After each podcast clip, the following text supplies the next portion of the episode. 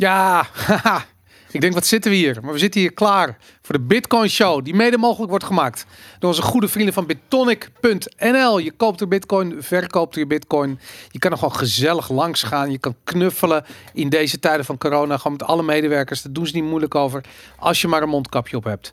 Bitonic.nl. It's the Bitcoin Show with our very special hosts, Aaron, Boris, and Jan Willem. Yay! Yeah, daar zijn we. met z'n tweeën weer, gezelligheid. Daar zijn we weer, Boris. Ja, Jan is terug van vakantie, maar hij heeft zijn meniscus gebroken. Gescheurd. Gescheurd, dat bedoel ik, dat zeg ik. Dat scheur je. Dat scheur je blijkbaar. En nu eh, zit hij eh, thuis niet in staat om nog door de wereld heen te lopen. Ehm, ja, in, in totale isolatie. En zitten we hier met z'n tweeën de Bitcoin Show te doen. Nummertje 54 alweer. Het is eh, de tijd vliegt waar je bij staat. Nummer 54. ehm eventjes eh, de huishoudelijke mededelingen www.bitcoinshow.nl. Jawel, daar kun je ons eh, teksten lezen. Je kunt er ook een donatie doen naar ons. Bijvoorbeeld een paar sats. En ik beloof plechtig dat ik ooit zal uitzoeken dat je er ook een bericht bij kan doen, zodat we het bericht kunnen voorlezen. Iedereen die doneert de hoop dat iedereen gaat doneren. Dat hadden we toch? Ja, Ja, dat was kreeg- dat heb ik aan me zitten klooien. En weet je wat het nu is? Iedere keer als ik MyNote eh aanzet of inlog, dan heeft hij een update. En dan ga ik de update doen en dan, dan kan je de komende acht uur kan je niet meer bij je, bij je note. Dus dat, Kan je niet gewoon niet updaten? ja, dat, dat, ik dat doe ik altijd. ik probeer de zelfdiscipline op te brengen om, dat, om niet op die knop upgrade te klikken. Dat, eh, Dat, dat- gaat bij mij heel makkelijk hoor. Oh ja? Oké. nou, dan ik, zit ik eh, nog op Bitcoin Core 17 of zo. Oh ja, vet. Nou, ik moet dat ook. Ik moet afleren om alles constant te willen updaten. Maar goed, ehm, even kijken. Twitter, at de Bitcoin Show. Natuurlijk op Telegram, t.me slash de Bitcoin Show. Ehm, en alle kanalen die daaruit voort. Is nog een off-topic kanaal. Nou goed, is één grote eh, eh, gezelligheid met mensen met een bovengemiddeld IQ die Bitcoin al snappen. Ehm, als je zelf bang bent dat je Bitcoin nog niet snapt, ga dan helemaal naar de Telegram groep. Want alle vragen die je hebt kun je daar stellen. En eh, ik denk dat dat de beste manier is om Bitcoin eh, te leren snappen door te praten met mensen die denken dat ze Bitcoin al snappen. Of misschien wel niet. Misschien denken, denkt onze hele community dat ze het niet snappen. Omdat hoe meer je weet, hoe minder je weet. Een beetje die shit.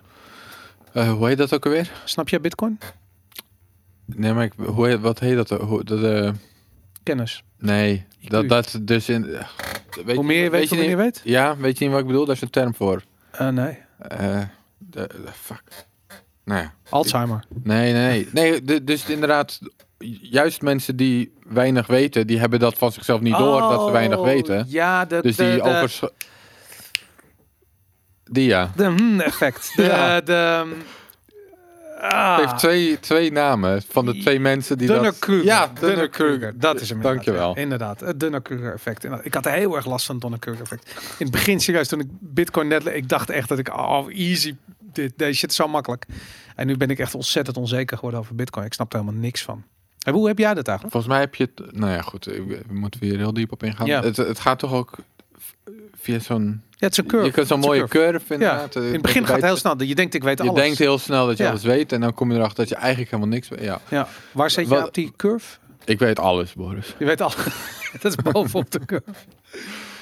Nee, eh, kijk, mijn zwakke plek is vooral, ik ben geen programmeur. Dus al- als het echt gaat om de code, ik heb nog nooit naar de code gekeken. En ik denk dat daar heel veel, als ik daar dus een keer in dat zou gaan leren en me daarin verdiepen, dan kom ik waarschijnlijk weer een heel, weet je wel, oerwoud van nieuwe informatie tegen. Van, oh, werkt dat eigenlijk zo? Ik dacht eigenlijk dat En dan laat je ook echt de eh. mensheid achter je. Want als je daar met iemand over wil praten, dan kan het echt alleen maar met mensen die in die code zitten.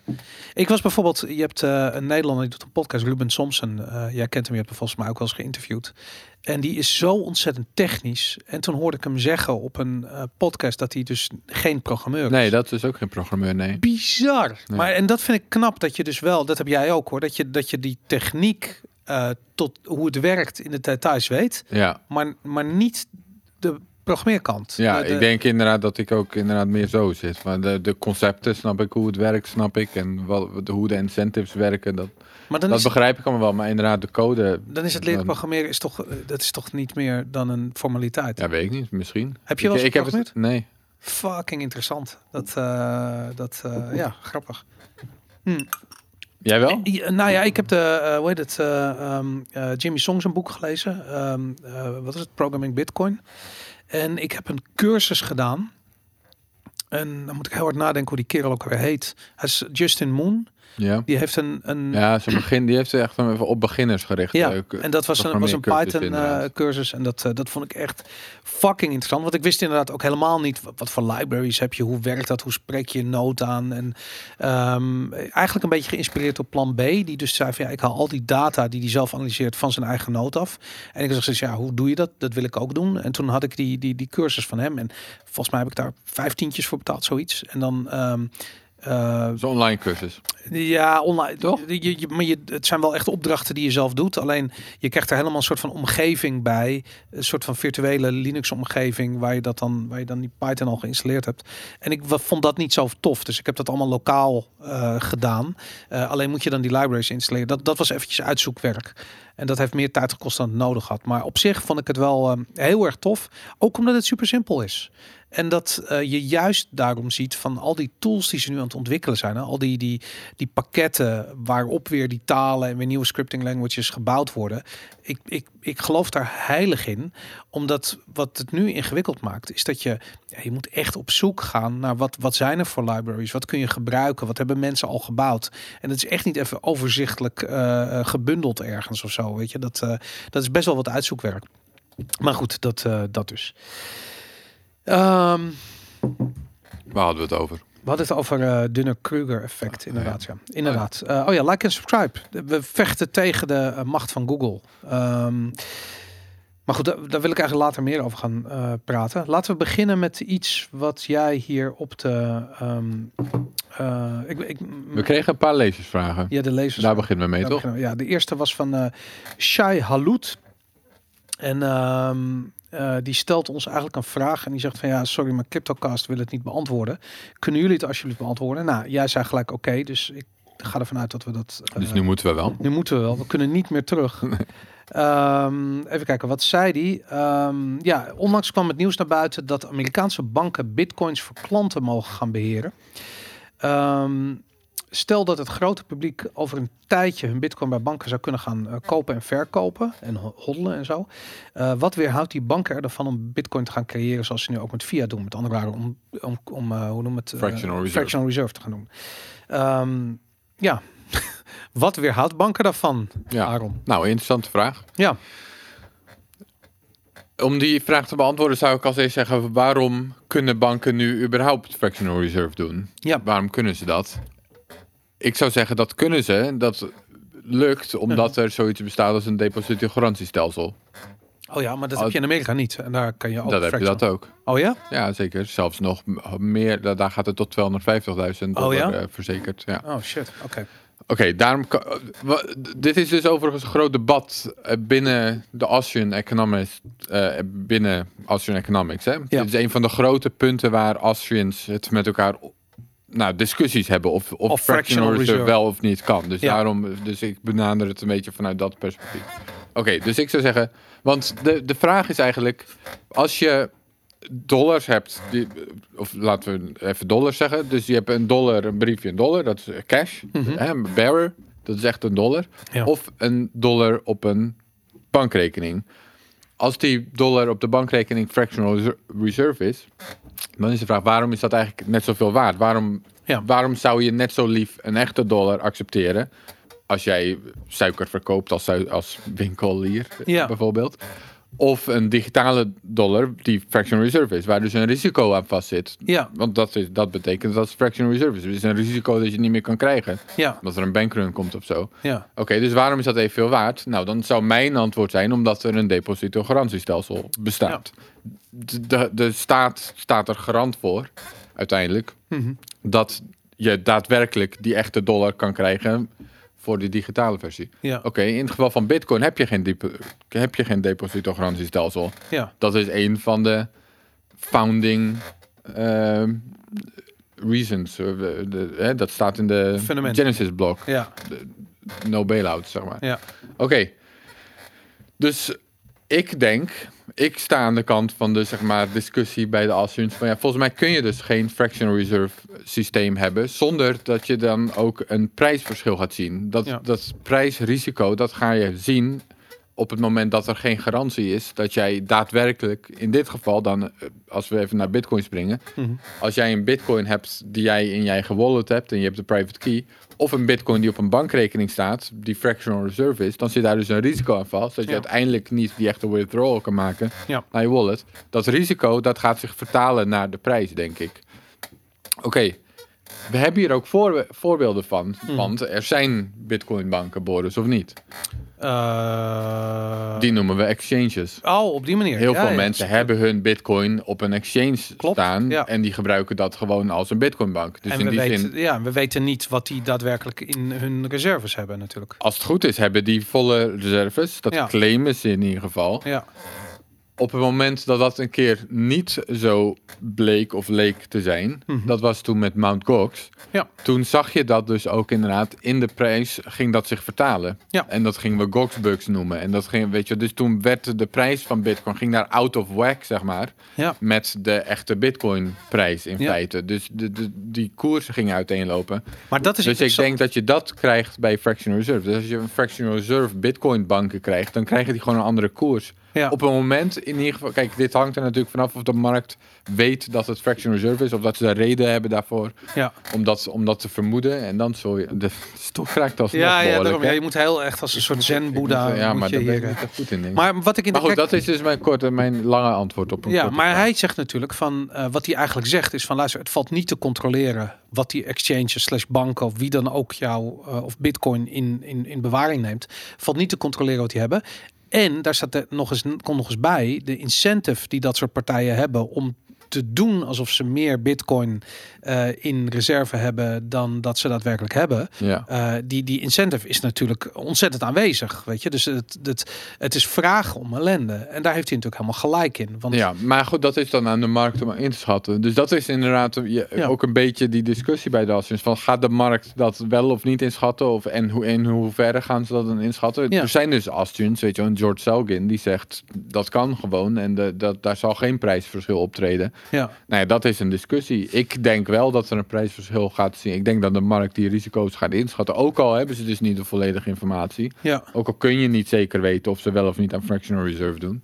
Dan nog gaat de markt daar een inschatting over maken. Van nou doen ze het wel of doen ze het niet. En dan zie je 1% prijsverschil of zo. Als dat de, Nee. het ingeschatte risico is. Wat ik interessant vind is de ontwikkeling waarbij ehm, eh, exchanges op het moment dat je eh, bitcoin van een exchange afhaalt eh, en je coinjoint dat bijvoorbeeld, dat je vervolgens je account op de exchange gesloten wordt. Of je wordt je bent, ja, ik weet niet, whatever. Er, zitten gevolgen aan, bij wijze van spreken. Ja. Ehm, ik bedoel, hoe, hoe absurd dat ook is, als je er goed over nadenkt. ehm, als je die lijn doortrekt, dan denk ik dat het op een gegeven moment, zeker op het moment dat, dat echt banken en hun regelgeving en die 6000 of 8000 mensen die je in Nederland hebt, die allemaal die KYC-informatie zitten door te ploegen elke dag. Ehm, op een gegeven moment zeggen banken gewoon van ja, het is leuk, maar eh, je mag je bitcoin bij ons eh, stallen. We beheren het voor je, we bewaren het veilig. Maar je mag het eh, alleen maar overmaken naar andere officieel goedgekeurde bitcoin rekeningen. Ja. Oftewel bitcoin rekeningen op of wallets op andere banken. Dus je krijgt op een gegeven moment een, een, een, een bitcoin die binnen het systeem, binnen het bankensysteem bestaan en de bitcoin daarbuiten. En je zou heel goed, heel erg gelijk kunnen hebben dat die bitcoin binnen dat systeem minder waard zijn dan de, de coins daarbuiten. Want dat zijn vrije coins. Daarmee kun je eh, je drugs kopen op de dark web, bij wijze spreken. Daarmee kun je alles doen wat je zou willen. Terwijl bij die, bij die banken dan kun je eigenlijk helemaal niks doen met die bitcoin. Behalve dat je er een soort van voordeel hebt van de speculatie, als het ware.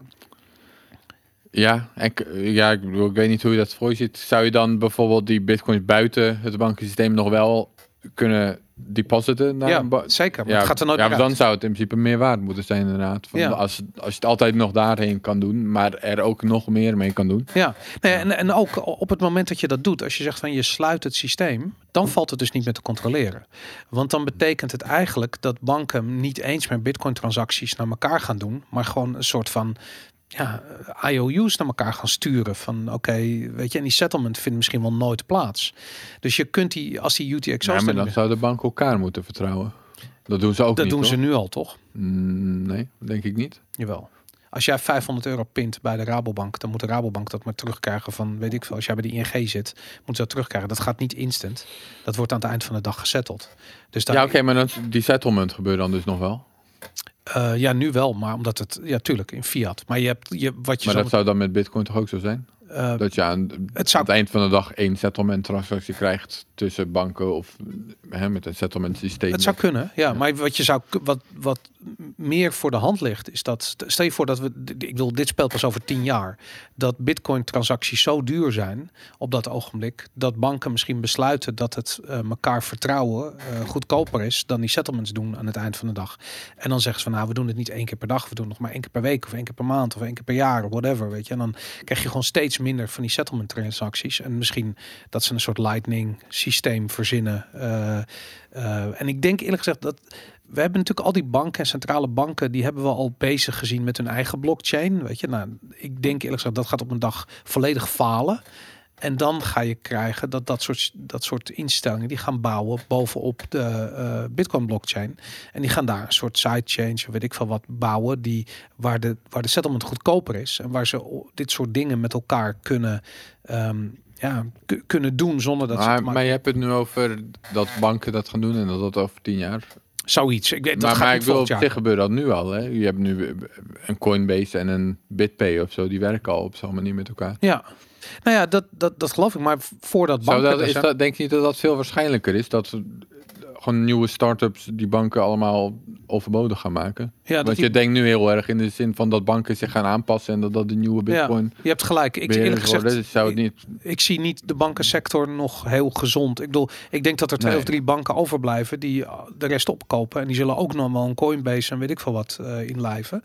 En misschien dat je dat soort, dat soort instellingen krijgt. Dat soort financiële instellingen. Dat zou kunnen, ja.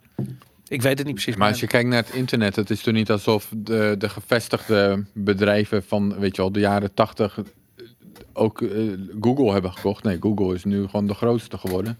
En Facebook en dat. ik Waarom zou het met Bitcoin bedrijven niet zo gaan? Waarom zouden die banken niet totaal overbodig maken en dat eh, de Rabobank er straks gewoon niet meer is?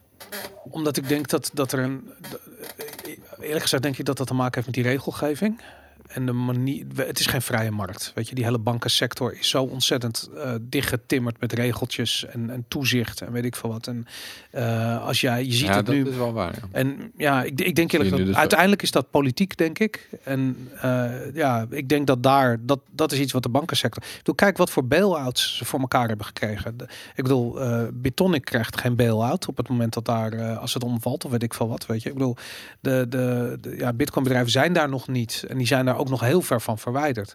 Dus die ba bankensector, dat is gewoon echt oude vriendjespolitiek. En dat blijft echt nog wel eventjes, uh, ja, weet ik wel, 20, 25 jaar bestaan hoor. Dat is niet zomaar weg. Maar goed, ik, ik, ik zit hard op te denken. Ik, ik weet het ook niet. Maar ik ben het eens met deze jongen die zegt van ja, de incentives zijn natuurlijk dat ze de boel besodemieteren. Dus uh, nou, daar gaat er maar vanuit dat dat gebeurt. Nou, weet ik dus niet. Ik bedoel, misschien betekent dat gewoon dat ze zichzelf buitenspel zetten. Dat, uh, hè, dat de koers dan minder wordt van die bitcoins en dat mensen dat helemaal niet, daar helemaal niet meer aan mee willen doen. Ja, dat kan. Dat, dat, als dat zich vertaalt op zo'n manier naar de prijs, dan is Ja. dat een disincentive om je bitcoin daar te houden. Ja, dat ben ik met je eens. Dus, dus ik weet niet of dat, uh, ik bedoel, dat is zeg maar de discussie van, kan het überhaupt, kan je fractional reserve doen? Nou, weet ik niet. Ik, mijn mijn uh, vermoeden is nee, dat kan helemaal niet. Ja, nou, je kan het niet volhouden. Je, je valt door de mand. Wat je ook nou, bij ja, die, precies. Je ja. kunt even doen tot het, tot het niet meer lukt. Ja, inderdaad. Ja. Maar omdat natuurlijk dat hele systeem gebouwd is op fractional reserve, is het logisch dat ze nog in die mindset zitten. Dat dat gerund wordt, die mensen die dat dagelijks doen. En daar, um, ja, nou goed, oké. Okay. Nee, dat is ook wat Hayek schrijft trouwens in de, de denationalization of money. Ja. Daar heeft hij het er ook over dat hij schetst een heel toekomstbeeld van hoe geld zou werken als je het aan de vrije markt overlaat. En op een gegeven moment hm. geeft hij ook aan van ja, als een bankier dit leest, dan denkt hij dit kan helemaal niet. Maar dat, ga, dat gaat ook niet komen van de bankiers die er nu zijn. Het ja. worden jonge, ja. nieuwe bankiers, start-ups die dit gaan doen. Dat, die, die route, ja. zo moet je denken. En in wat voor dat lijkt mij ook waarschijnlijk. Wat, wat voor tijdspannen zit je dan te denken? Nou, uh, voor het eind van dit jaar zijn we er wel. Vet. Nee, ja, geen idee wat, wat voor tijdspannen. Uh, voordat we waar zijn, precies. voordat we op het moment zijn dat banken vervangen worden door, ehm, ehm, door, door, door, door een soort van banken 2.0 sector, een soort van bitcoin gedreven sector. Dat alle banken weg zijn dus. Ik ben gewoon benieuwd wat jij persoonlijk, hoe jij die toekomst ziet. Nou, ehm, ik weet niet, een jaar of twintig. Ik denk dat we dan wel eens een keer... eh, Het duurt nog lang man, 20. Misschien ook niet. hmm, Afgelopen 20 jaar vlogen voorbij. Wat dat Precies. Dus dat, ja, nou, dat gaat ook wel snel. Goed, oké. Ehm, we hebben een, ehm, eh, een brief van Dino. Dino is weer terug. Dino is terug, ja. Dino is terug en hij had precies dezelfde vraag. Zal ik het... eh, Oh ja, is dit hetzelfde? Is dit dezelfde vraag? Ja, Dino, je moet wel luisteren naar onze show als je, als je vragen stelt. Want we hebben antwoord gegeven op deze vraag. Ja, inderdaad. Maar je hebt hem er weer ingezet. Je wou gewoon alleen... ja, ik weet eigenlijk niet waarom. Ja, nou ja, goed. Hij heeft... eh, Ik dacht, dan hebben we er drie. Maar ja. ja. nee, maar ik dacht, moeten we de... Dino, gewoon luisteren. Want eh, je, als je twee keer dezelfde vraag stelt, daar hebben we niks aan. Ja, want hij wil eigenlijk weten hoe je om moet gaan met eh, wat als je een gedeelte van je bitcoin verkoopt. Hij gaat eigenlijk uit van oké, wat als die cyclus ehm, eh, plaatsvindt. Een beetje zo'n stock-to-flow eh, modelachtige prijsontwikkeling. En dan verkoop je op de piek en dan koop je weer op, op, op, op het dieptepunt terug. Of dat een goed idee is. Ja, dat is een heel goed idee. Alleen het inschatten van die momenten is heel erg lastig. Hebben we het vorige week al over gehad. Ehm, wat voor routes kan een kleine bezitter eh, bewandelen? En toen hebben we gezegd, dollar cost average, toch? Elke week een beetje kopen, elke maand een beetje kopen. Niet denken in duizenden euro's, maar gewoon koop een tientje, koop 20 euro, whatever. Het maakt niet uit, zolang je het maar blijft doen. En dan zul je zien dat aan het eind van de rit je eh, ja, toch wat sat- satoshis hebt, in huis hebt gehaald. Dit is investeringsadvies. Nee, Oh. nooit. Nooit. Nooit. Nee, ik zeg eh, investeer altijd in plezier. Dat is, eh, dat is heel belangrijk. Ehm, nou goed, oké. Ik ga niet meer langer bij Dino blijven staan. Ehm, jij hebt een luisteraarsvraag er nog ingezet. Ik kon even niet vinden waar die vandaan komt. 10 manieren Oh ja, waarop Bitcoin kan falen. Ja, ik kon ook niet. eh, volgens mij kwam je uit de chat. En ik weet dus ook niet meer wie het vroeg. Dus degene die het vroeg, sorry, ik ben, ben het vergeten. Oké, maar je hebt nu 10 we- manieren bedacht ik- waarop ik- falen. Nee, ik heb nee, ik, ik dacht we gaan er even hardop over nadenken. Oké. Ik heb het niet. eh, ik ben Jan niet. Jij denkt Nee, dat ik, ik, dacht- hier ik denk dat je een aankom pak met papier hebt geprint. 10 manieren waarop Bitcoin kan. Oké, Nee, op maar nummer omdat 10. ik zei dat vorige keer natuurlijk. Wel, ik weet niet meer in welke context we het erover hadden, maar toen zei ik inderdaad dat Bitcoin nog niet helemaal op de store value iets is. Of Ja. ik zei er iets over. Omdat, en mijn argument was ja, je kan zo 10 minuten, eh 10 manieren bedenken waar Bitcoin kan falen. Ja. En toen vroeg iemand dat in de chat. Die dacht, eh, nou ga ik Aaron ook wel gewoon, nou mag je, nou, kom dan maar met die 10 manieren Ja. in plaats van dat je dat zo stoer eh, aan het roepen bent in de podcast. ja. Dus nu moeten we 10 manieren gaan verzinnen, Boris. Zal ik de eerste doen? Ja. Nummer 10. Proof of stake blijkt toch een heel goed idee. Nou, Bitcoin wordt ingehaald door iets wat wel echt superieur is. Dat kan natuurlijk. Ja. Ik, kan geen manier, ik kan geen coin verzinnen. ja. Ik kan geen. Iets ja, hij is er nu niet, denk ik. Precies, maar inderdaad, stel nou dat je wel met iets als proof of stake en het werkt en het is helemaal veilig en, en Ja. het schaalt beter en je hebt Een instant soort transacties. AI, eh, weet ik veel. eh, ja. kan. Weet je, in ieder geval in theorie Ja. zou het kunnen dat je dan iets nog beters. Oké, ik zou dan wel zeggen, en daar gaan we het straks nog over hebben, denk ik Mhm. dat als er zoiets komt dat echt beter is dan Bitcoin, hopelijk, of ik verwacht dan dat iemand dan ook een soort van fork van Bitcoin maakt, waarin Bitcoin holders ook weer meegaan in het nieuwe systeem. Dus dat, Misschien Bitcoin gerapt in een Ethereum. nee, gewoon een Bitcoin, gewoon een. Bitcoin 2.0. Ja. Iedereen die nu Bitcoins heeft, gewoon die 21 miljoen, die houden we erin. Iedereen die nu de coins heeft, die private keys, dat, dat houden we erin. En we lanceren nu een Bitcoin 2.0. Ja, met proof of stake en het werkt perfect. Precies. Ja, oké. Het zou kunnen dat vanwege het nieuwe design, Hm. waar we het nu, nu hardop over zijn nadenken, wat waarschijnlijk helemaal niet gaat komen, maar Ja. we- wellicht, dan ehm, kan dat om een of andere reden niet. Dat dat, dat niet werkt met 21 miljoen limiet. Weet je wel, want proof of stake misschien moet je dan juist altijd inflatie Of of iets. 22 miljoen. Maar goed, je hebt nu één manier genoemd waarop Bitcoin kan vallen. Ook al denk ik dat we deze allebei relatief onwaarschijnlijk vinden. Ik achterkans minder dan 0,01 procent. Maar het kan inderdaad dat er iets komt dat beter is dan Ja. Bitcoin, dat mensen Bitcoin vergeten. Oké, Ja. we hebben er één verzonnen. Ja, nog één. Nog één. Nu jij. Ehm, eh, laat ik gewoon eens zeggen quantum computing. Ja. Quantum computing komt en we vinden geen goede manier om de bitcoins een nieuwe beveiligingslaag Maar te, te geven. Is dat niet al besproken en al opgelost? Dat het met een relatief eenvoudige eh, algoritme aanpassing eh, eh, de, de, de SHA-256 ook quantum proof kan zijn? Nee, volgens mij is dat nog niet per se opgelost. Ik denk ook niet dat het een heel erg groot eh, eh, zorg is dat het niet opgelost kan worden. Ik denk dat over het algemeen is de verwachting wel dat zoiets opgelost gaat kunnen worden. Ja. Maar het- volgens mij is het nog niet zeker hoe je dat precies gaat oplossen, ten Hmm. eerste. En ten tweede moet je het dan ook daadwerkelijk gaan oplossen. Ja, Dat vergt dan een of andere protocol upgrade waar mensen het over eens gaan worden. En of iedereen moet dan zijn coins gaan waarschijnlijk gaan versturen naar nieuwe adressen. De onbeveiligde coins moeten op een of andere manier weer beveiligd worden. En de, de, De- verloren coins Precies, worden allemaal krijg- weer teruggehaald door een, door een quantum computing. eh, Dan krijg je dat soort vraagstukken. Hoe Ja. ga je daarmee om? Gaan Ja. we dan dat soort coins helemaal op slot gooien? Dat kan in principe, gewoon via een soft fork. Maar nou, dat ja, mag niet. Dat zou nooit, nou ja, denk ik. Ja, we- maar we- het alternatief is moeilijk. Maar je ziet al, we hebben, we, we hebben hier niet meteen een goed antwoord op. Nou, misschien dat dat weer een of andere holy war wordt... waar geen goede oplossing voor. Kan. Ja, ja. En, en wie weet dat al hoe slecht dat kan, kan aflopen voor bitcoin. Ja, dat is waar. Twee, drie, jij bent weer. Eh, de aarde wordt geraakt door een Ja. meteoriet. Ja, dat kan zomaar gebeuren. ja, dan zijn we klaar, toch? Dan is er geen eh, proof of work meer Nee, oké, maar de, ik denk dat we ons moeten beperken tot dingen die alleen bitcoin kunnen Een vernietigen. Niet de hele... De van he- de Chinezen. Ja, Zoiets. nou, zo, ja, het wordt wel onwaarschijnlijk. in. Maar goed, ja. Op zeven? Ik bedoel, we zijn nog zonne, niet bij... zonne, Zoiets, ja, ja inderdaad. ja, inderdaad. Dat alles het hele stroom. netwerk is, Ja. eh, internet is plat. Ja, Eh, ja. dat, dat argument hoor ik namelijk wel vaak. Dat, ja, maar je hebt internet nodig. ja. Weet je, alsof je voor via het geld niet voor alles en nog wat nodig hebt. Maar Nee, goed, je komt misschien in een Mad Max wereld terecht, maar dan werkt Bitcoin ook niet meer. nee, Dus dan hebben we inderdaad, hoeveel zijn we nu? Drie? dit is 7. Dit is punt 7. Dus we hebben Stel, het we met tellen deze- af? We tellen af naar 1, inderdaad. Ja. Waar bij 1 de meest waarschijnlijk is. dat is nog best wel lastig. dus daarom heb ik zoiets van, ja, die meteoriet moet ergens hier onderaan zitten. Maar, maar oké, dus, dus Mhm. eh, eh, ik, en ik moet je eerlijk zeggen, als ik naar mezelf kijk de afgelopen jaren.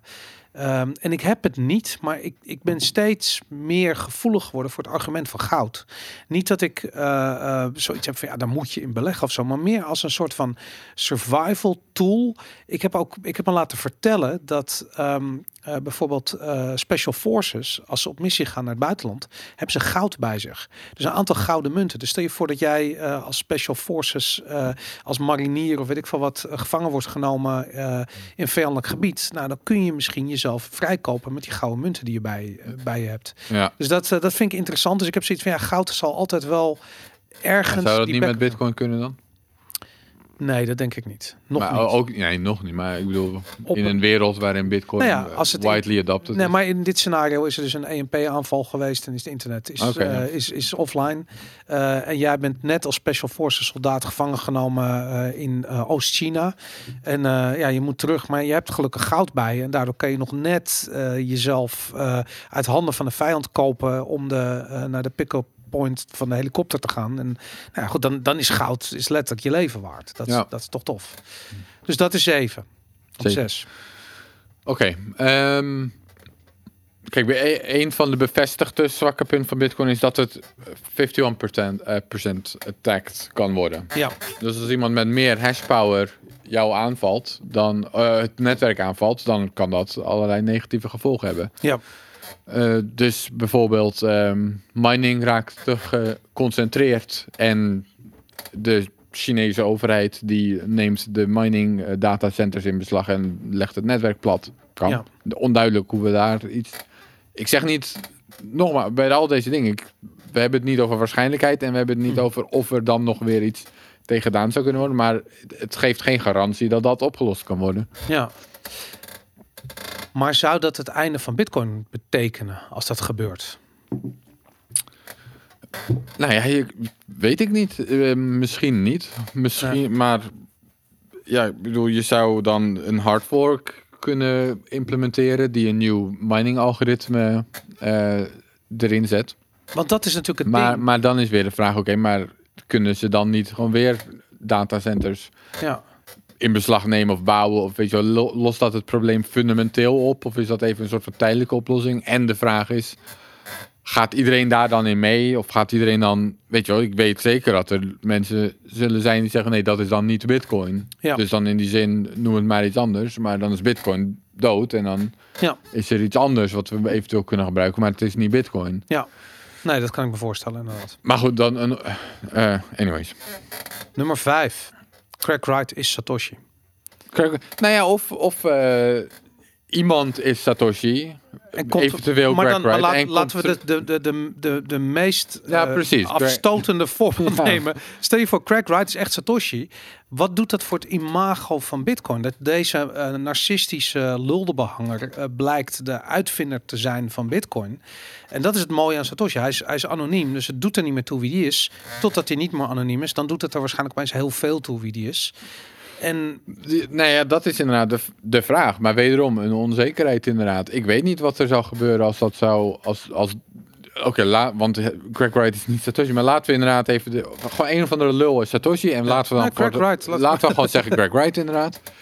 Ehm, in theorie zou je kunnen zeggen, maakt niet uit. Bitcoin staat op zichzelf. En dat heeft geen invloed op het netwerk of op het protocol. ja, In de praktijk weet ik niet of dat zo zal werken. In de praktijk kan ik me voorstellen dat heel veel mensen toch weer naar de Satoshi gaan kijken als de de facto leider. Ja. En dat Bitcoin toch weer een de facto gecentraliseerde coin wordt.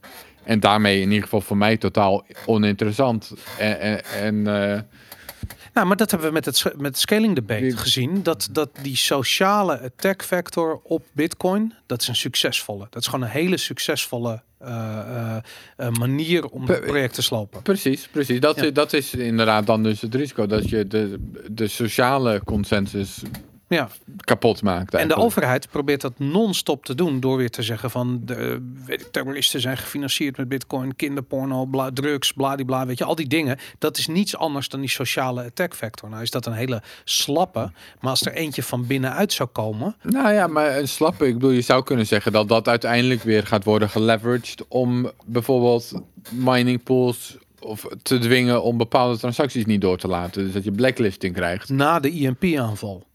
Precies. Dus eh, die dingen kunnen ook nog allemaal samen gebruikt worden natuurlijk. Eh, Inderdaad, ja. nou ja, en als je blacklisting krijgt, hoe gaat de community daar dan weer mee om? Gaan Ja. we daar dan eh, voor hard forken of gaan we daar of niet? En dan krijg je misschien daar weer over ruzie over van wat is nou bitcoin en wat is nou niet bitcoin. Ja, Kijk, dat soort dingen, dat zie ik als failure scenario's. ja, Al dan niet letterlijk, omdat er ruzie ontstaat en er is een splijting en het is niet meer duidelijk wat bitcoin is. En je bent een winkel en je accepteert bitcoin en er verschijnt niks in je wallet. Terwijl degene die betaalde toch echt een betaling heeft gemaakt. Blijkt Ja. er dat je op verschillende netwerken zit zonder dat je, weet je wel, dat soort chaos. ja. Dat zie ik als een failure scenario.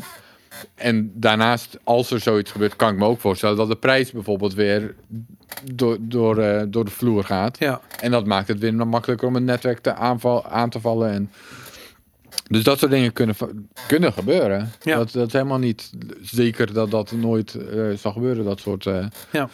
eh, sociale aanvallen inderdaad. Nou, ik vind het zelfs heel voor de hand liggend. En vier. Eh, zijn we, moeten we er nog vier? Ja, nog vier. Even denken. Oh, we- Weet jij er nog één? Ik weet er nog wel. een. Nou, kom op. Ehm, Bitcoin heeft een market cap op dit ogenblik van net, volgens mij even uit mijn- ik heb geen idee, maar ik dacht ergens rond tussen de 150 en 200 miljard, zoiets. Ehm, De hoeveelheid geld in de wereld is een, is een veelvoud daarvan. Ja. Er komt één grote partij en die koopt letterlijk alles. De prijs gaat naar 100.000. In twee dagen, je wordt morgen wakker en bitcoin kost 100.000. Iedereen verkoopt, die denkt van dit is het top, we, gaan corrigeren naar beneden. Hij gaat niet naar beneden, hij gaat verder naar hoofd. En, en binnen een relatief korte tijd worden alle beschikbare bitcoin eh, gekocht door een partij die gewoon toegang heeft tot de money printer. En eh einde project.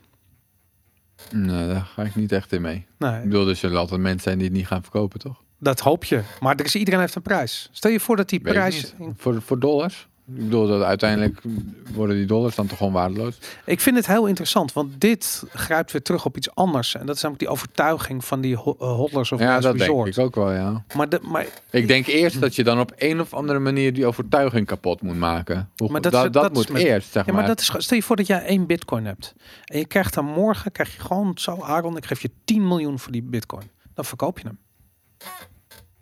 Nou, weet ik niet. Als de, als de marktwaarde op 10 miljoen... Kijk, als jij in je eentje... Jij gaat niet soort- morgen je ene bitcoin, stel dat je een bitcoin hebt, voor 10 miljoen verkopen. als jij een soort van een eh, afgesloten bod maakt aan mij... Ja, en je zegt, nou, hier 10 miljoen... ja. Ja, dan zou ik het wel doen. Al Maar is het maar... al- al- al- Zelfs jij, ja, maar al, ja, maar al is het maar omdat ik dan duizend bitcoins ervoor terug kan kopen. Maar dat denk je, maar dat is dus de aanname die iedereen doet. Dit is de attack factor. Dat er is op een gegeven moment geen vrije bitcoin tussen aanhalingstekens meer te krijgen.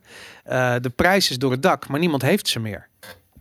Dat zou dan het... het eh, er is geen Kijk, als satoshi de, als, de, als de prijs van bitcoin op exchanges 10 miljoen dollar wordt... dus Hmm. niet een afgesloten bod wat jij me doet hier in een kamer... Ja. maar gewoon op gewoon iedereen, dat, dat is de prijs. Ja, dan, waarom zou je dan verkopen?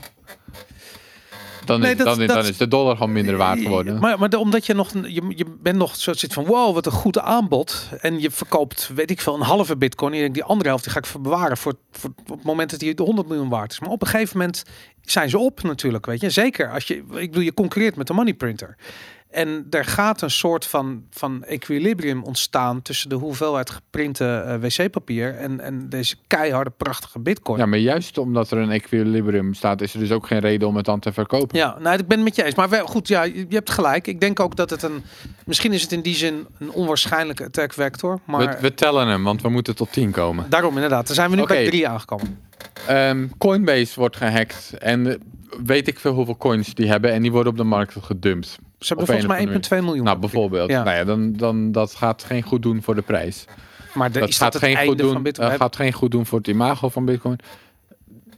Het einde weet ik niet. Kijk, ten eerste, we hadden het er sowieso over. Hm. Het begon een beetje met Bitcoin stabiele prijs of niet. Dus als het zeg maar, als Bitcoin 1% van de waarde wordt van nu, dat tel ik als failure in de context van het gesprek wat we toen hadden. Ja. Ik, ik weet niet meer waar het gesprek over ging, maar dat was de context. Mhm. Eh, hè, is er een, bestaat de kans dat Bitcoin 1% van de zijn waarde eh, Ja. kan overhouden? En daar, dat, dat is dus waar we het over hebben. Daarnaast, als dat gebeurt, als Bitcoin nog maar 1% van de waarde heeft van wat het nu heeft, dat zou natuurlijk ook betekenen dat de hashpower door de vloer zakt. Want Ja. de- dan gaan heel veel miners hun eh, eh, machines uitzetten.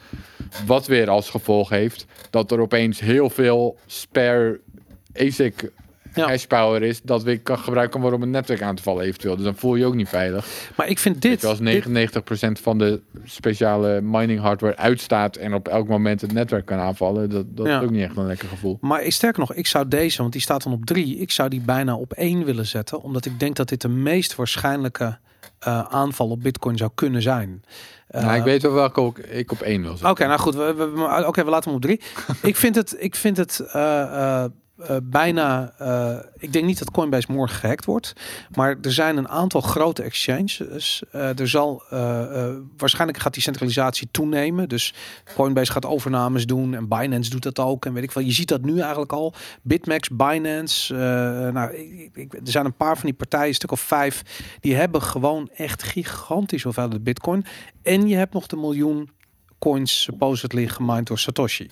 Dus de, ehm, er zijn gewoon een paar entiteiten die eh, eh, ja, toegang hebben tot een miljoen plus bitcoin. Mhm. Ehm, inderdaad, dat daar eens een keertje vroeger of later die bitcoin of gehackt wordt of opgedumpt wordt of geëxit scammed of weet ik wat.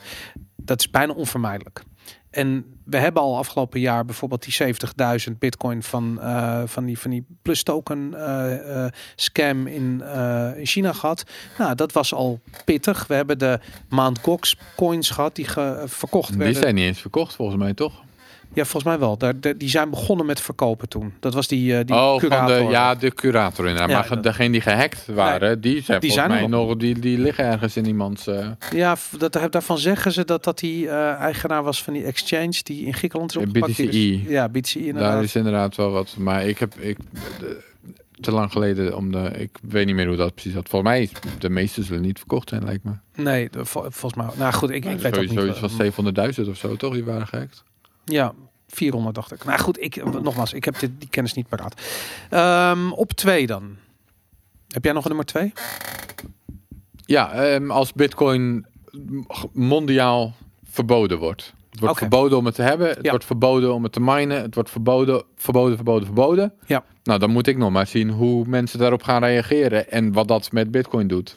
Maar En, en nogmaals, of dat niet zou betekenen dat bitcoin 1% van de waarde overhoudt. En makkelijk wordt om aan te vallen. En, als, ik, als je kijkt hoe Bitcoin nu is, dan heb ik zoiets van ja, bijvoorbeeld cocaïne is ook over de hele wereld verboden. Er is volgens mij geen land waar dat niet verboden is. ja. Ehm, en het is vrijelijk verkrijgbaar en eh, meer geld waard dan als het waarschijnlijk gewoon bij de Albert Heijn. ja, maar de reden dat het meer geld waard is, is denk ik omdat de prijs wordt bepaald door vraag en aanbod. En als het verboden, verboden, verboden wordt, zoals cocaïne inderdaad vrijwel overal, Ja. dan is er dus ook minder aanbod, want je kan het niet makkelijk verbouwen. En je, weet je, Ja. dus, dus het aanbod neemt af, terwijl de vraag blijft hetzelfde, want mensen die cocaïne willen, die willen het wel. Ja, Eh, en dan krijg je dus inderdaad vraag aanbod, dus wordt de prijs ja. wordt, het- wordt het duurder. Ja. Maar bitcoin, het aanbod is 21 miljoen, ongeacht of het verboden is of niet. nou ja, Dus het is niet alsof er dan opeens minder aanbod komt. behalve als er veel risico verbonden is met het versturen of met de transactie. Dus stel je voor dat jij gepakt kan worden daarmee, dan, dan is er minder aanbod. Mensen, dus zijn minder, geneigd zijn. Ja, om het te verkopen. Ja, Ja. misschien. Interessant inderdaad. Interessant. Maar goed, ik, ik zie het wel als een vraagteken. Van ja, wat gebeurt er dan met de bitcoin prijs? Wat gebeurt er met bitcoin als verboden, verboden, verboden Ja. overal is? En niet- ik bedoel, ik, Ik had deze op En- één en nog gezet. eh, eerlijk. je zou deze op één zetten. ja, Ja, inderdaad. Ik ben benieuwd wat je dan op één hebt. Ehm, daar gaan we het straks nog over hebben. De, de security van bitcoin, naarmate de block reward afneemt, gaan de fees niet genoeg Ja. security bieden om het netwerk veilig te houden. Ja, dat, zou ik op één zetten, ja, denk ik. ja, dat is een, dat Dat is een rabbit hole. Dat is, eh, en een discussie die heel actueel is, want die wordt nu veel gevoerd. Eh, dus, dus Nou ja, we zijn tot 10 gekomen, Boris. ik vind het knap. eh, ik had het eigenlijk niet verwacht, maar volgens Bitcoin mij is is, is, is kwetsbaarder dan je zou denken. Tussen de. Nou ja, dat is dus de vraag. Hoe groot is de kans van dit allemaal? Ja. En dat, kijk, dat vind ik dus ook interessant. En dat is een van de punten waar ik van denk... Een Raoul Paal bijvoorbeeld, om iem- iemand te noemen. Ik heb Ja. naar die podcast zitten luisteren, daarom noem ik hem waarschijnlijk. Maar veel van dit soort types... Ik heb een beetje het idee dat dit hun blinde vlek is. ja, Dus dat ze kijken naar Bitcoin en redeneren vanuit Bitcoin, vanuit de gedachte dat het gegarandeerd werkt zoals het moet werken. ja, En dat blijft doen. ja, Weet je wel, als dat zo zou zijn, ja, dan ga ik mee in al die super bullish voorspellingen. ja, De reden dat dat niet, dat ik daar niet per se mee ga, is omdat ik denk, ja, er zijn ook risico's. En ik denk de markt prijst ook die risico's in. ja, Op het moment dat een van deze dingen zou gebeuren, die we net hebben genoemd, een van die tien, Hm. en Bitcoin overleeft dat, ja, dat is bullish. ja, Dan is dat een teken naar de markt die zegt, oh, Bitcoin kan dat blijkbaar overleven. ja, En dan zul je weer een prijsspurt zien, denk ik. En Ja. dat, dat hebben we bijvoorbeeld met dat scaling. Zo zie ik, de, ik denk dat daar de prijsspurt vandaan kwam. Dat dit, er was een aanval op Bitcoin Mhm. op, in die scaling war. ja, Bitcoin heeft dat overleefd. Dat was super bullish. Dat, oh, nou, blijkbaar als er een voorkomt, zien mensen dat gewoon als een extraatje en heeft dat geen invloed op Bitcoin. ja, Dat was super bullish. ja. Ja, dat is En interessant. ja. Dus ja, ik denk dat dit soort dingen, dat, die worden, die risico's, die maken ook uit. Dus ik ben ook wel, ik denk dat deze risico's relatief klein zijn over het algemeen. En daarom ben ik ook wel bullish over Bitcoin. Alleen, Ja. je moet ze ook niet negeren. Ze, ze zijn er wel. En dat soms lijken de, de echte Bitcoin bulls te vergeten dat er ook echt wel risico's zijn. Ja, nou ja, ik bedoel, ik vind het ook goed om, om die scenario's eh, te bespreken. Vooral omdat het, het is gewoon science fiction. Weet je, ik bedoel, een Ja. EMP-aanval of een wereldwijd verbod op bitcoin zijn is extreem onwaarschijnlijk. Ja, een van de super interessante dingen van Bitcoin is dat het, het is natuurlijk een open source project. Het is decentraal en het is, iedereen kan erover meedenken en bijdragen. En dat maakt het volgens mij, nou dat maakt anti-fragile. Dus Ja. bijvoorbeeld, dat maakt het, weet je elke aanval die je kan verzinnen, die je er tegenaan kan gooien, dan gaan de slimste mensen ter wereld zo'n beetje, die gaan nadenken, oké, hoe gaan we dit oplossen? Ja. Ik denk dat je dan vaak tot oplossingen komt. Het, het is, een- het is een eh, ontzettend ja, anti-fragile organisatiemodel. En dat maakt me ook wel optimistisch dat al die tien dingen die we hebben genoemd, waarschijnlijk gaan we er oplossingen voor verzinnen. nou, en, Maar ze zijn er nog niet en het zijn nog wel risico's. Ja. En, en de markt schat die gerust wel in, denk ik. ik, hoor, ik heb een keertje iemand horen zeggen, als je de brainpower die bitcoin heeft, ehm, even los van ons twee natuurlijk, maar gewoon de, de, de, de developers die bezig zijn aan het ontwikkelen van het protocol. Als je dat commercieel zou moeten inkopen, dat zou, dat is ten eerste is het gewoon niet mogelijk, maar het zou miljarden kosten. Ja. En dat En, je zei los van ons twee, als je ons twee er ook nog bij wil, Ja, dan dan heb je het over biljoenen. onbetaalbaar, onbetaalbaar. Zoveel bitcoins zijn er niet, denk ik. Maar, maar goed, dus dan, dan heb je dus. eh, Ja, je- heel veel van dat soort gasten, die, die zijn ook inderdaad intern gedreven om, om hieraan bij te willen Ja. dragen. En die kunnen vaak meer verdienen als ze tuurlijk. bij. Facebook gaan werken of bij Google, weet ik veel. Maar die willen, dit, dit is veel interessanter voor hen. Dus ja, oké, dan verdienen ze misschien iets minder als ze Bitcoin developer zijn. Over het algemeen voor mij nog steeds vrij goed hoor. Ja. Maar, ehm, maar dat, daar zit een interne drive in. Dat, dat kan je niet, dat is vaak niet te koop inderdaad. Ja, maar dat is het mooie. Dat is ook waarom ik zo'n hekel heb aan shitcoins. Eh, eh, los van het idee dat digitale schaarste maar één keer kan, kan bestaan. Maar ook dat al de problemen die we nu hebben opgenoemd eh, voor bitcoin, die problemen zijn tien Ja. keer meer aanwezig bij shitcoins. Zeker weten, ja. En ze hebben dus niet die brainpower om de problemen op te lossen als ze zich voordoen. En want soms hebben ze maar één developer, soms twee. eh, of Ja, en, en een aantal van die problemen hebben ze niet dankzij Bitcoin, zeg maar. ja, Dat is ook zo'n ding. Ik bedoel, Bitcoin werkt haast als een soort van bescherm Ja. la- paraplu voor sommige van die andere projecten, weet je wel. Eh, Het heeft geen zin nu om Ethereum te gaan verbieden, Ja. om, om, om eens een project te noemen. Want dat, he- dat drijft alleen maar meer mensen naar Bitcoin toe. Ja. Ehm, en, en je laat aan ze zien wat de zwakke punten zijn van centralisatie. Ik bedoel, je, wil alleen, je gaat alleen verbieden als je alles kan verbieden. ja. Dus zolang je Bitcoin niet kan verbieden, Ja. zolang je als regulator denkt van nou daar kunnen we niks aan doen, ja, dan ga je ook niet Verge verbieden. Want waarom zou je dat dan wel doen? Zeg maar, Ja. dat, dat, dat, daar ben je, bereik je niks. Ja. Dus daarmee een project dat eigenlijk wel verboden zou kunnen worden, dat eigenlijk wel, Ja. hè, want je kunt de Ethereum Foundation, die zijn niet zo, niet zo moeilijk te vinden. Als je daar iets aan zou willen doen. ja. Maar ja, dat heeft niet zoveel nut als je als Bitcoin dan blijft staan. Dus op die manier Ik vind het heel interessant. En vooral ook omdat dat iets is wat ik, ik hoor shitcoiners altijd zeggen van dat, dat argument van ja, er is een betere bitcoin. Weet je, dat, het is wel echt een 2016 ding. Het is gelukkig bij de, bij, de, bij, bij de projecten zelf die er worden opgestart, hoor je het niet zo heel veel meer. Uh, maar er zijn nog steeds veel mensen die denken dat er een betere bitcoin is. En dus een ja, soort van meer speculatieve waarde, energieverbruik, bla. Dat is iets wat nog wel leeft. En uh, daarom, ik, ik moet je zeggen, we hebben afgelopen weken ook, uh, ik wou er niet al te lang bij stilstaan, maar we zien weer een discussie oplaaien van hardcore bitcoiners die zich vol overgaven in de security tokens hebben gestort. Samson Mao hebben we het al over gehad met zijn Infinite Fleet. Nou, hij heeft nu project nummer twee heeft hij uit de grond gestampt of heeft hij in geïnvesteerd. Met Jameson Lob en uh, nou, INX. INX inderdaad en nog een paar andere. Daar wordt hij echt keihard voor aangepakt op Twitter. In mijn ogen volledig terecht. Niet omdat mensen niet wel of niet mogen doen wat ze willen. Dat mogen ze doen. Alleen het hypocriete van een, een, een, een, een bitcoin maximalist zijn. Maar daarnaast gewoon je shitcoins uh, willen pumpen om daar geld aan te verdienen. Is gewoon iets wat het daglicht slecht verdraagt. En dat, um, ik, weet je, ik heb echt zoiets van dat, dat je bescherm jezelf in godsnaam, weet je. Als je, als je al dat soort shit doet, weet je, doe dat gewoon, gewoon weet ik veel. Ga er niet over lopen schreeuwen dat je dat doet. Waarom moet Samson Mao dat nou, weet je, zijn hele sociale netwerk inzetten om dat, uh, om, om die boodschap te gaan verspreiden? Ik begrijp dat gewoon niet. Heb jij daar nog een mening over? Ik heb er niet heel erg naar gekeken, maar volgens mij is Inks, INX, is, is meer... Security. Ja, het is wel echt equity volgens mij. Het is, nee, het is een beetje... Is nee, ding. ja, ik weet het. Ik heb het me er niet in... Is het. het is ja, oké. Okay. Het nou, ik heb me er niet in verdiept, dus dan... Het, we- het is precies wat, je, wat jij zegt, is dat het wordt verkocht als zijnde een aandeel, maar het Ja. is geen aandeel, want je hebt geen stemrecht.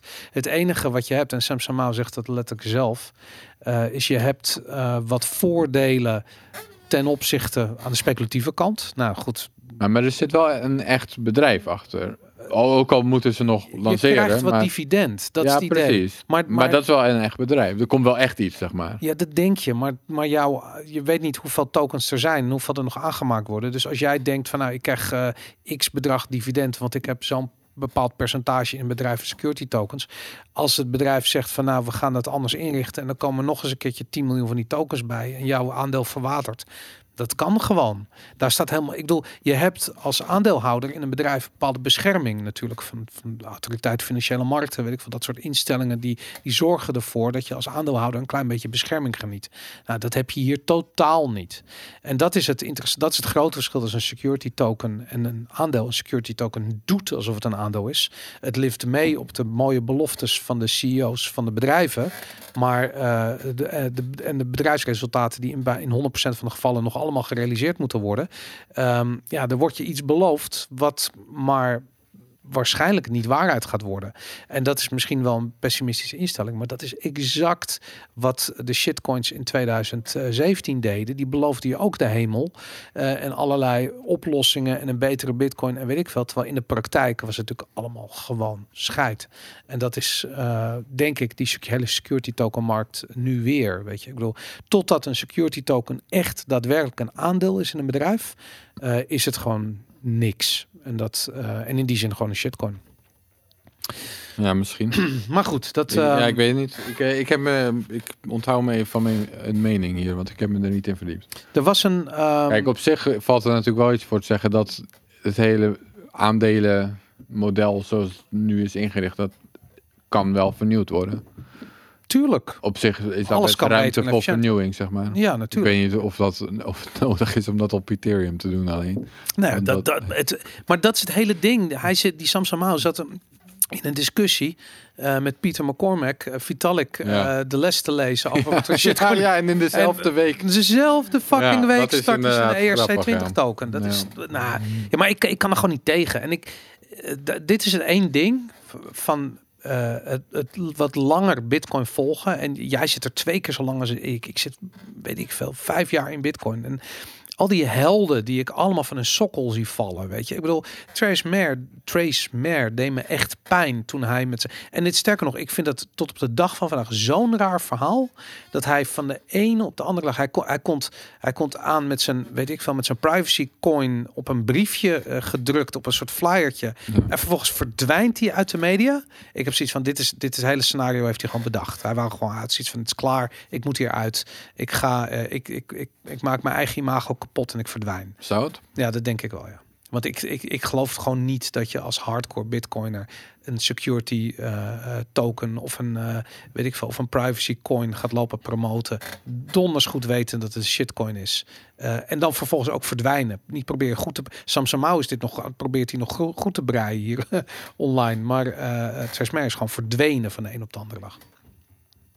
Ja, heb ik al een tijdje niks van gehoord, inderdaad. Ja, is. Dat is interessant, toch? Goed. Maar misschien werkt hij ook wel voor de CIA tegenwoordig, hoor. Je weet het niet. Dat, eh, dat kan natuurlijk ook. Over ehm, Bitcoin, eh, Gesproken. over Bitcoin gesproken. We zouden een podcast moeten doen. Ja, dat zou wel Ja. zijn, hè? Ehm, je hebt dus, kijk, het is toeval dat ik maar heb, maar je hebt een hele conferentie over eh, manieren waarop Bitcoin kan worden. Breaking Bitcoin. Breaking Bitcoin, dat gaat over hoe, hoe kun je Bitcoin, wat, wat zijn de mogelijke manieren om Bitcoin aan te vallen en hoe kan Bitcoin falen? En dat is dus er is een hele conferentieserie over. Ja, ik moet je zeggen dat ik... eh, ik ben daar geweest eh, op jouw uitnodiging. Op jouw uitnodiging Toen ze in eh, Amsterdam waren. Toen ze in. Amsterdam vorig jaar.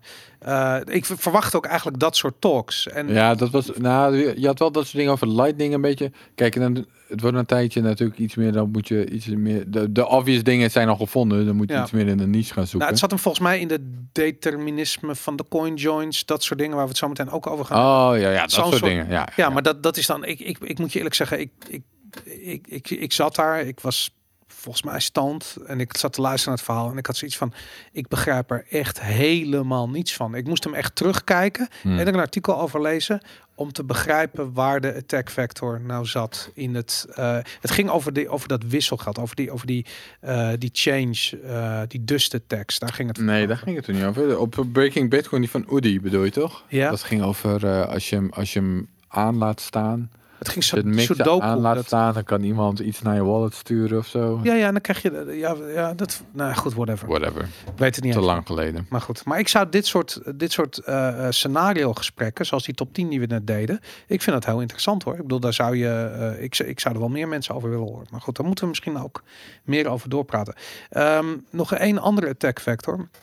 Niet over. Ik ben heel even de naam kwijt, maar er was een eh, Bitcoin Core developer afgelopen week. We kunnen sowieso, ik bedoel, de, nee, zeg maar wat je wil zeggen. Ja, Core developer. core developer, eh ben even zijn naam kwijt, die op Twitter zei van de Bitcoin community, crypto Twitter, Bitcoin Twitter is Oh, te Matt. Corello zei Matt. Corello zei het. Hij zei van ze doen gemeen eh, en er zijn heel veel ontwikkelaars die niet kunnen tegen die gemene Twitter gebruikers en die worden daardoor gedwongen om naar Ethereum te gaan. Wat vind jij daarvan?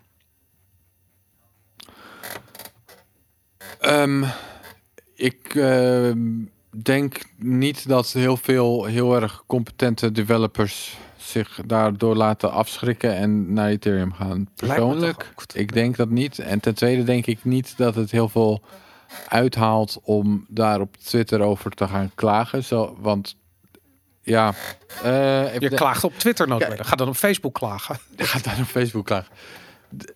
Eh, aan de ene kant kun je proberen de soort van cultuur een beetje te proberen te sturen. Beetje, Mhm. eh, zeker als je een beetje een invloedrijke developer bent die er al langer, zo, zoals Matt Corello. Juist zo iemand zou misschien inderdaad een beetje kunnen sturen over hoe mensen met elkaar omgaan. Ja, Aan de andere kant denk ik ook, weet je wel, meer zoals James en Lob zegt, dit is, dit is zo'n disruptive technology. Dit, Ja. eh, En het is adversarial. En ja. als je hierheen komt en verwacht dat, het, eh, dat, dat, dat je hier... Wordt. Precies, dan, dan eh, heb je het echt bij het verkeerde eind. Ja. Dat, dat Bitcoin is veel te radicaal voor zoiets. En, en je kan echt wel... Voor, ik bedoel, hij is zelf geswat. Ja, daarom. Weet je wel, James. En, en, daar, ja, dat, dat soort dingen kun je verwachten haast. Dat, je moet hier, het is, Nou, het, ik is, vind het is het, een oorlog, zeg maar. ik vind het een eh, feature en niet En een daarmee bug. zeg ik niet, ja, dat weet ik dus niet. Ik weet niet of het Mm. goed is dat zoiets,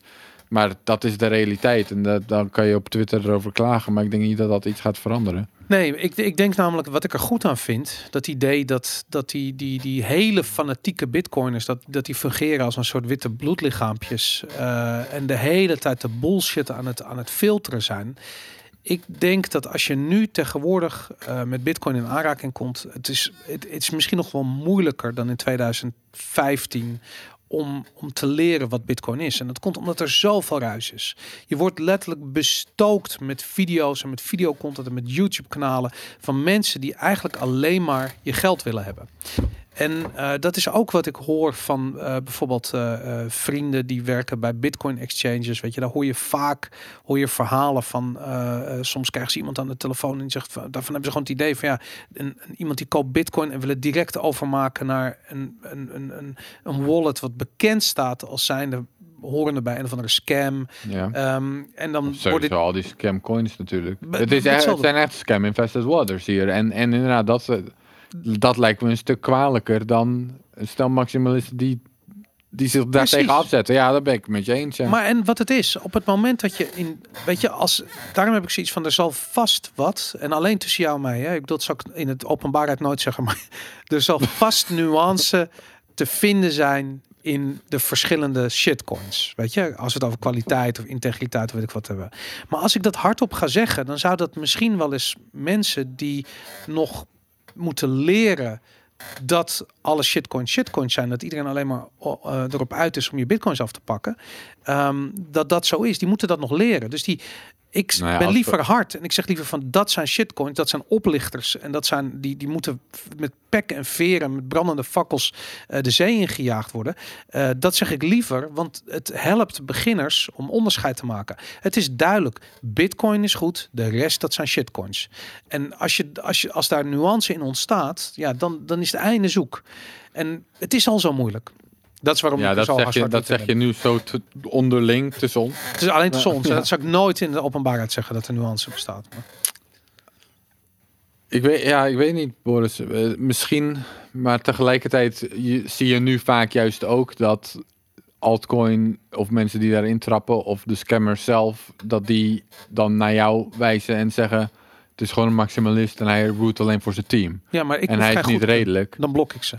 Ja, ik snap dat het jou niet uitmaakt. Maar het punt is dat je dus daarmee dan ook die mensen niet per se bereikt. Door het zo zwart-wit te stellen. Maar die mensen die he- hebben al geïnvesteerd. Ik bedoel, er, is er is niemand die bij wijze van spreken open eh, eh, eh, hier in deze scene komt.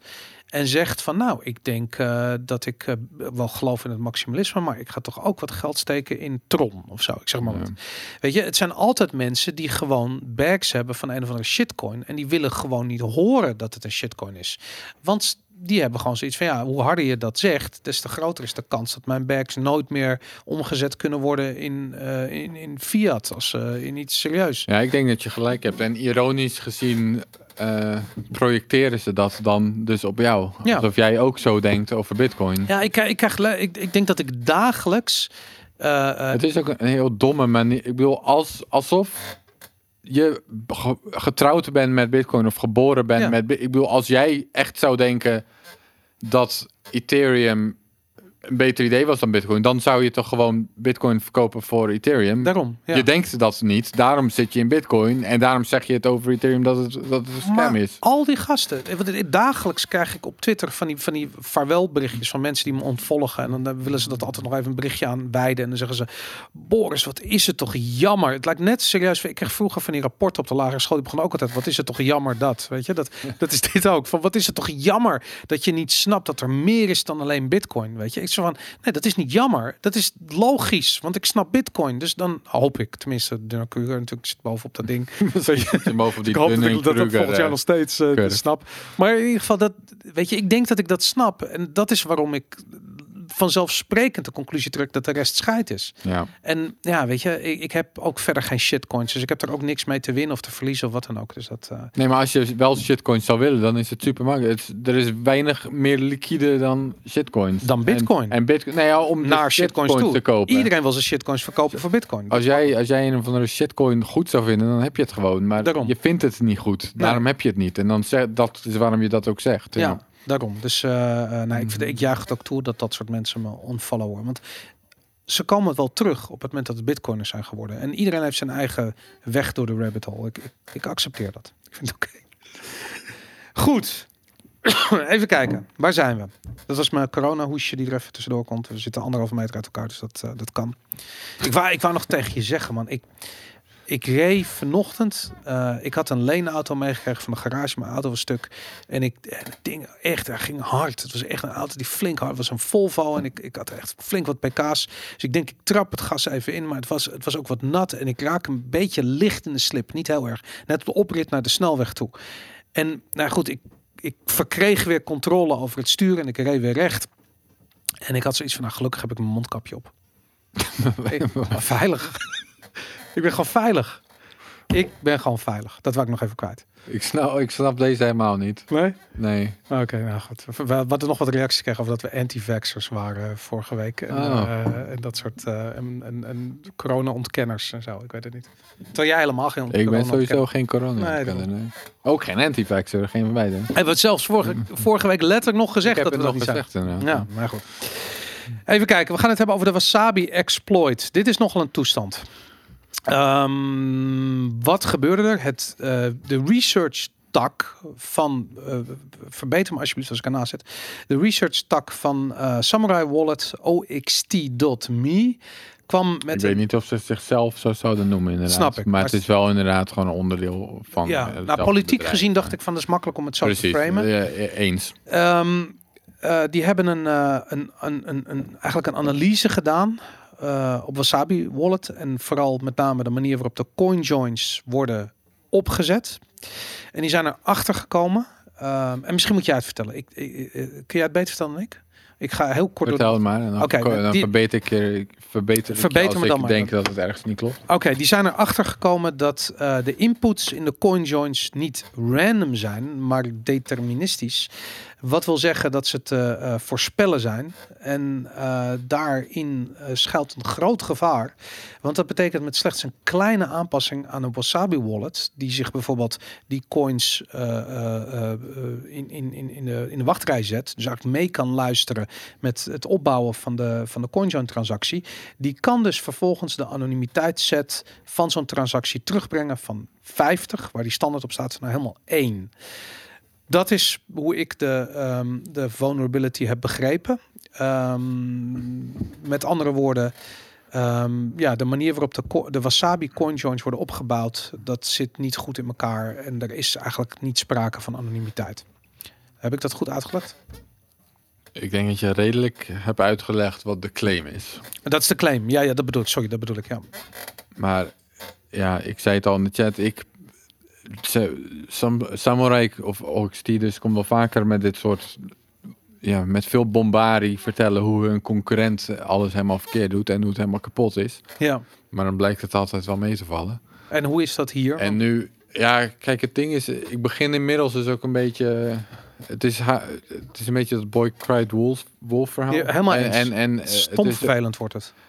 en het begint ook voor mij een beetje te voelen als die altcoins die weer met veel bombardie komen vertellen dat ze een veel betere bitcoin hebben gemaakt. En Ja. je, je denkt van ja, dat zal vast wel weer niet. Maar als je er weer helemaal in moet gaan verdiepen, het kost weer tijd en energie. En het, het begint gewoon een beetje vervelend te worden. Zeg maar. Ja. Oké, maar ik heb me er dus enigszins in verdiept. En volgens mij valt het dus allemaal wel weer mee. Het is zo, als, zoals ik het nu begrijp, is het zo dat als jij je coins hebt gemixt Ja. en ze dan nog een keer wil mixen, Ja. dus voor extra privacy nog een keer wil mixen, Mhm. en dat ze dat precies doet op een. Ja. Eigenlijk komt het erop neer dat de aanvaller moet dan weten welke inputs je al hebt in je wallet. Of je outputs of UT- UTXO's in je wallet. Dat moeten ze eigenlijk al weten. Ja. En ze moeten dus eigenlijk al weten welke je dan weer wil remixen. Nou, dat kan eigenlijk al niet echt. Tenzij je misschien, ja, tenzij je heel voorspelbaar wa- wasabi gebruikt of zo. Dat, maar het is al. Het loopt, het loopt hier al een beetje spaak. Van hoe zouden ze dat moeten weten? Ja. Oké, maar als je dat dan doet, dan wordt het dus dan op een deterministische manier geselecteerd welke inputs aan de beurt zijn. Ja. En dat zou dan weer ten koste gaan van de privacy van de nieuwe mix. Omdat je ziet waar de Dus- UTXO's vandaan komen en waar ze heen gaan, soort of.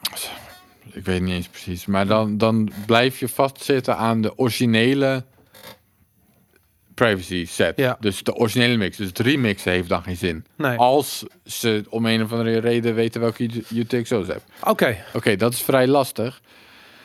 Ehm, even denken. Ik had We- het, we- weet ik- je een paar waarom- dagen geleden wist, Weet je waarom, waarom die input deterministisch is? Waarom is dat niet random?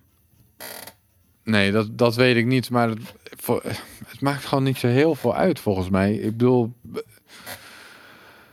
als jij daar iets aan wil doen, als je, dan kun- je dus gewoon niet diezelfde UTXO's die je net hebt gemixt, Ja. weer allemaal selecteren en weer in de mix gooien. Kan. Dan, dan, dan los je het al op, zeg maar. Dan los je het probleem al op. Ja. Maar zelfs als je dat niet doet, dan moeten ze nog steeds weten welke UTXO's je precies hebt. Dus dan nog is het niet eh, ehm, gezegd dat je...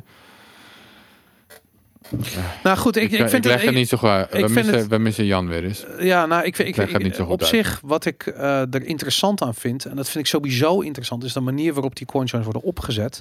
In Samurai, Samurai Wallet is het zo dat degene die eh, de, eh, eh, toetreedt tot de coinjoin pool, daar een fee voor betaalt. Hmm. En die betaalt eigenlijk alle eh, transactiefees tegelijkertijd van de coinjoins die lopen.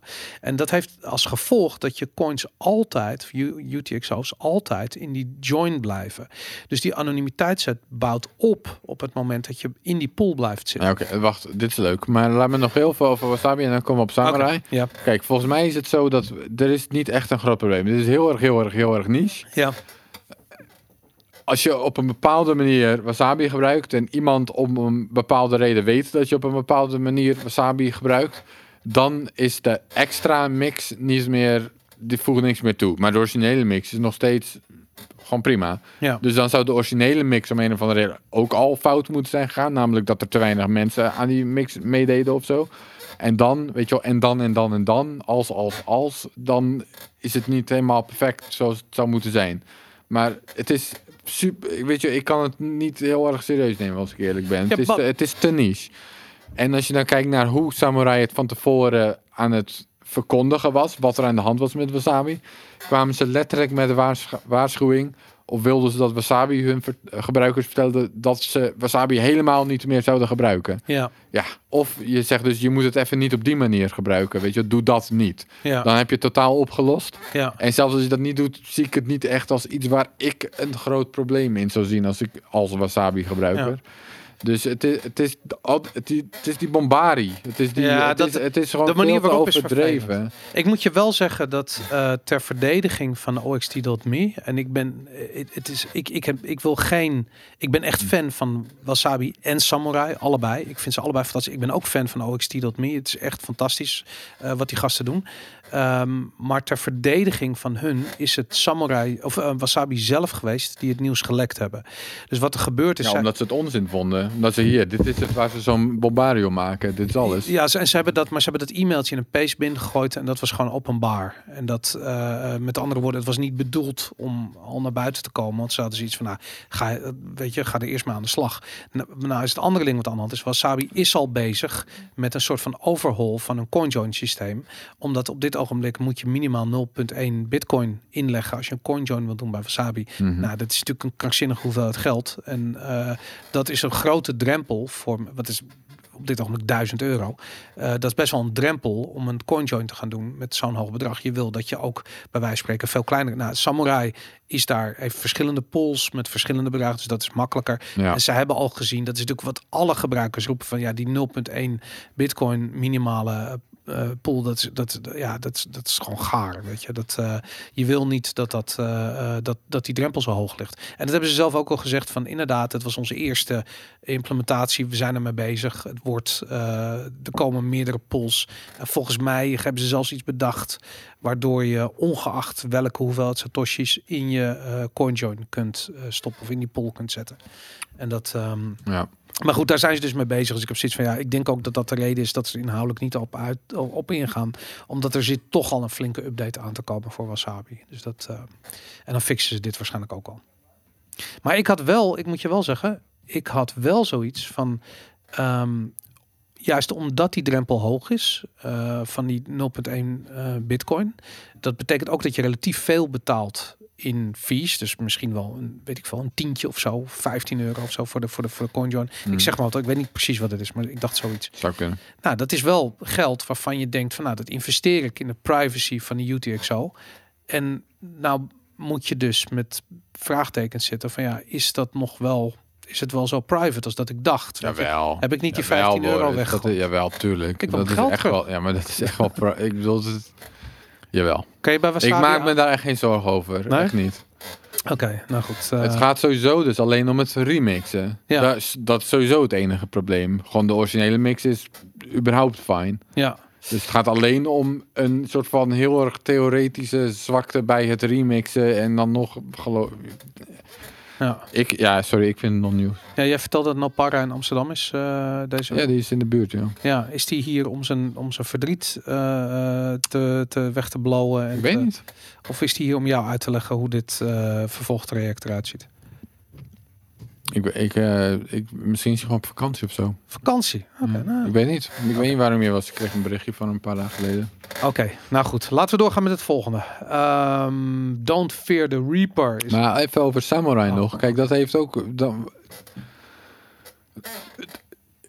Ik vind dat Samurai meer... eh, Nou ja, moeten we het daarover gaan hebben? Ik vind dat Samurai namelijk... Die heeft ook niet alles in orde.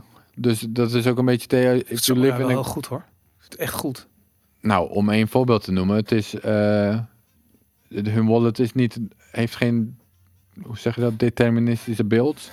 Dus wat jij downloadt uit de App Store of uit de... Waar het ook zit. Vooral de App Store heb je gelijk in. Ja, Je weet niet eens zeker of dat correspondeert met de open source code. klopt. Ja. Nou, dat vind ik wel een dingetje voor een privacy wallet. Ja, Om, en dat is één voorbeeld. Ik dat bedoel, sowieso met mobile wallets is dat lastig hoor. Dat, eh, vooral als ze uit de Ja, dat- Store en de, en de Snap ik. En- en- of om een ander voorbeeld te noemen. Als jij Samurai niet gebruikt in combinatie met de full node, dan geef jij je X-pubs aan hun. Ja. Als jij aan het mixen bent met allemaal mensen die Absoluut. hun X-pubs hebben gegeven aan Samurai, ja, dan gaat je anonymity set. Ja.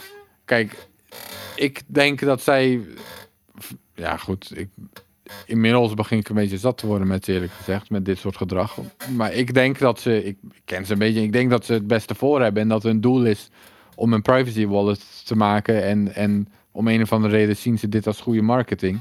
Ja. Eh, maar ondertussen denk ik bij zo, ja, voor mij, ze zijn er echt nog lang niet. Het is Ja. echt een work in progress. En dat ze dan het zo uithalen om zo'n niche probleem bij een concurrent. Ja. Ja, ik vind geen goede... Nee, ik ben, ik, ik ben het eh, met je eens. Die, die, die, die, Het ziet er niet vrij uit, zeg dat maar. geruzie is gewoon bloedirritant. Vooral omdat de een is een desktop wallet en de ander is een mobile wallet. Dus dat, ik begrijp niet waarom ze in godsnaam met elkaar zo dat, dat ze lopen te zeiken de hele tijd. Ze zijn, eh, eh, terwijl ze die ruzie aan het maken zijn, verschijnen er bijna maandelijks nieuwe wallets die eh, dingen doen die zij niet doen. Dus als ze al die energie nou steken in ontwikkeling in plaats van ruzie maken, dan eh, zou dat hun projecten beter moeten maken, zou je denken. Los daarvan vind ik Samurai Wallet wel echt goed. En je hebt gelijk, je moet het gebruiken in combinatie met je Dojo. Ehm, en als je Whirlpool wil gebruiken, hun, hun join eh, eh, toepassing, dan, dan moet je dat ook installeren en gebruiken op die manier. Eh, en los daarvan vind ik het gewoon een hele goede. Het was de eerste wallet die bijvoorbeeld Tor standaard aanzet op het moment dat je het op je telefoon opstart, dat soort dingen. Ehm, ja, vind ik gewoon belangrijk. Maar dat, dat, dat daarvan. Ik vind ze allebei fantastisch. Ik ben ook een groot Wasabi-fan overigens. Ehm, ook kan daar de UTXO weer een stuk beter. Eh, maar goed. Laten we het gaan hebben Maar over... Boris, Nou. eh, het is een beetje awkward als we hier met z'n tweeën zitten, maar ik moet naar de wc. Dat meen je niet. Ja, dus je moet even in je eentje gaan doen, denk dat ik. meen je niet. Je moet Waar ga je het over hebben? We gaan het hebben over het artikel van Nick Carter. Wat jij erin hebt gezet. Maar je hebt nog een boek, misschien moet je die even doen. Ja, maar daar wil ik met jou over Oké, praten. ik hou het wel in. Ja, dat, je zit altijd water te drinken. Ja, dat ja nee, dat, nou goed. Ja, het kan, maar dan kunnen we misschien muziek luisteren. Nou, anyway, eh, laten we het heel eventjes over Nick Carter hebben. Don't Fear the Reaper heeft hij geschreven. Een artikel op Medium. Ehm, en dit is eigenlijk ook een beetje waar we het net over hadden. Eh, het ging erover, eh we hadden het over de tech factors op Bitcoin. Hij heeft een artikel geschreven waarin hij eigenlijk zegt van maak je nou niet zo zorgen over al die scenario's. Met name over eh, Bitcoin's long-term supply credibility. Daar gaat dit artikel over. Ehm, voegt hij nog iets toe aan? Ja, dus dit was de nummer één thread die ik, Ja. net, die ik net noemde. Ja. En het idee, eh, even heel kort, is dat op een gegeven moment eh, natuurlijk de eh, miners subsidie opdroogt. En de miners moeten kunnen bestaan van de fee, van de transactiefees. Ja. Ehm, en nou goed, als we allemaal een beetje exponentieel kunnen denken en ons afvragen van ja, als er nu al, wat was het, 17 tera hash, nou, ik, ik, zeg exa hash, ik zeg maar wat, maar ik dacht dat, dat we daar zaten, of 100 c, nou whatever. Eh, we hebben al een bepaalde ehm, eh, hoeveelheid eh, hashing power. Nou, als je die lijn doortrekt naar boven, het groeit hard. Dat wordt een krankzinnige industrie zometeen. En dan gaan we dus zien dat op een gegeven moment die subsidies opdrogen. En dan, ja, dan moeten ze dus van de fees hebben. Gaat dat kunnen? Ja of nee? Dat is de discussie die nu gevoerd wordt. Ja, maar daar gaat het artikel niet over, hè? Oké. Je hebt het niet gelezen, merk ik. Nee, wel, ik heb het wel gehad. Oh, maar oké. ik, ik wilde even nog jouw Oké, eerste, ja, eerste ehm, punt. eh, ik, ik denk dat dat misschien wel... ik denk dat dat mogelijk is, ja. Dat, dat, dat bitcoin van fees kan bestaan. Oké, Dan, dan, dan zullen fees wel waarschijnlijk een stuk hoger... zeker een stuk hoger worden dan nu. absoluut. Ja. Maar ehm, ik...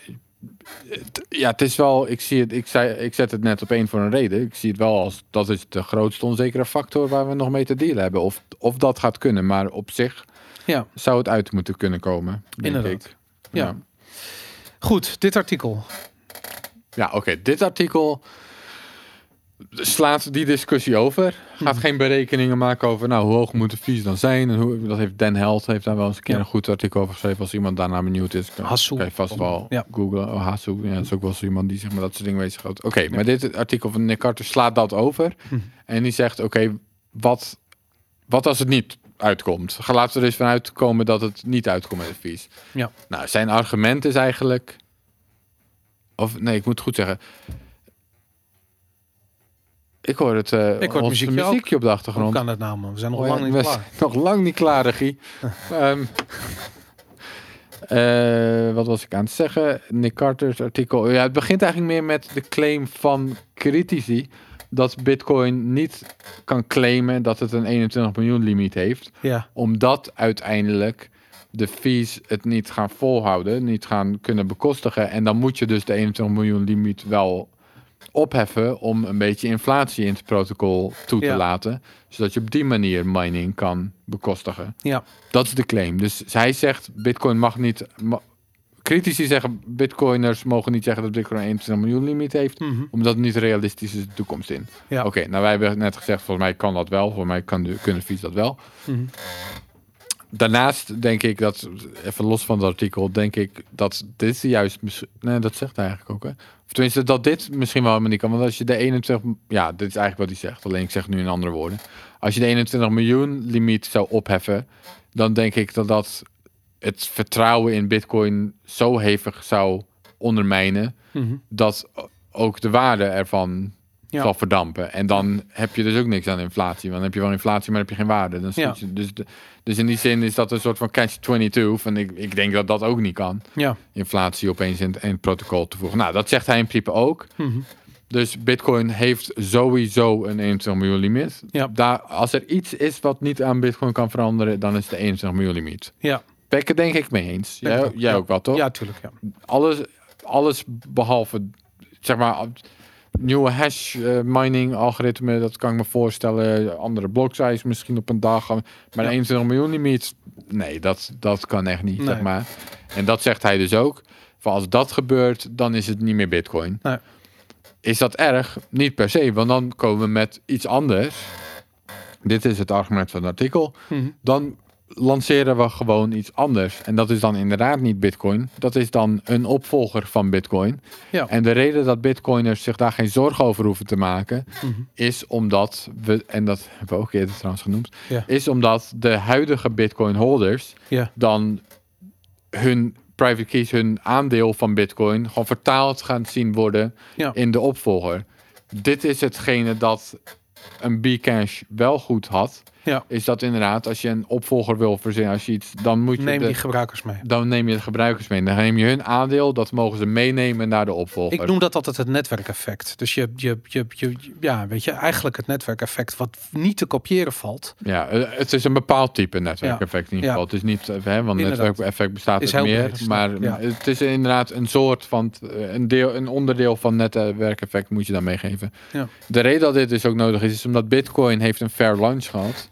Ja. Hè, de, de soort van immaculate birth, wordt Ja. ook wel eens genoemd. Dat valt niet te herhalen. Je kunt dat geen tweede keer doen. Want de Ja. tweede keer weet iedereen meteen van... oh, hier kan je rijk mee worden of hier moeten we op... Bij Bitcoin is dat dus niet gebeurd. En dat kun je niet herhalen, Nee. die, die, die manier van lanceren. Dus de enige manier dat je dat kunt reproduceren... of Dus door dat te kopiëren. door dat mee Ja. te nemen. Dus Ja. door de Bitcoin-houders het een vergelijkbaar of hetzelfde aandeel te geven in die eventuele opvolger. Ja. Nou, daar ben ik het mee eens. Ik, vind het, ik vond het een goed artikel in die zin. Het, e- enige wat ik ergens flauw vond, Hm. is... Of flauw, weet ik niet. Kijk, het. Het, het- de discussie... Hij doet het voor als een iets diepere discussie dan het is. Want eigenlijk gaat het gewoon over de naam. Eigenlijk zegt hij gewoon, we gaan dat geen bitcoin noemen. Ja. Nou ja, moet ik nog maar zien of we dat geen bitcoin gaan noemen uiteindelijk. Want ook als je het bitcoin 2.0 noemt, wat een andere naam is in die zin. Mhm. Maar bitcoin 1.0, het huidige bitcoin wat we gebruiken, is inderdaad niet veilig. Want daarom is bitcoin 2.0 nodig. Dat is, Ja. dat is de aanname. Ja, dan zal bitcoin 1.0, eh, 1.0 dus ophouden te bestaan. Ja. En reken maar dat mensen dan bitcoin 2.0 gewoon bitcoin gaan noemen uiteindelijk. Precies. Lijkt me. Ja. Dus dan heb je alsnog in die zin wel weer Ja. weet je, misschien toch weer die bitcoin Ja. Nou, ik vind het leuk dat het met, zo'n... zo'n- zonder 21 miljoen limiet. Eh, Tegen de tijd dat we zover zijn, want dit, dit, dit kunnen we nog rustig een 100 jaar door. eh, eh, deze discussie kunnen we nog rustig 100 jaar door. Kan, maar het 40 kan jaar ook, ja, maar het kan ook een stuk korter zijn. Ja. Het kan ook dat we hier binnen 20 jaar wel eens een keer aan toe zijn. Nou ja, goed, dan hebben we in ieder geval 20 jaar daarover gefilosofeerd. En dan heb ik het idee van dan, dan, dan zijn alle scenario's ook wel uitgedacht. En dat vind, daarom vind ik dit soort artikelen altijd belangrijk, omdat het gewoon die discussie aanwakkert. Dus dat, eh, dat doet hij goed. Laten we snel doorgaan met. Maar goed, ik vond dus het centrale punt goed. Van Ja. de, de, elke opvolger moet bitcoin-houders hetzelfde geven. Ja, Het argument, zeg maar, dat het dan niet bitcoin is, eh, dat is een beetje een discussie over een naam. Ik zie het best wel dat, mensen dat gewoon weer bitcoin gaan noemen. helemaal mee eens. Goed, het volgende punt. Van de BTC Times, onder jouw auspiciën geschreven.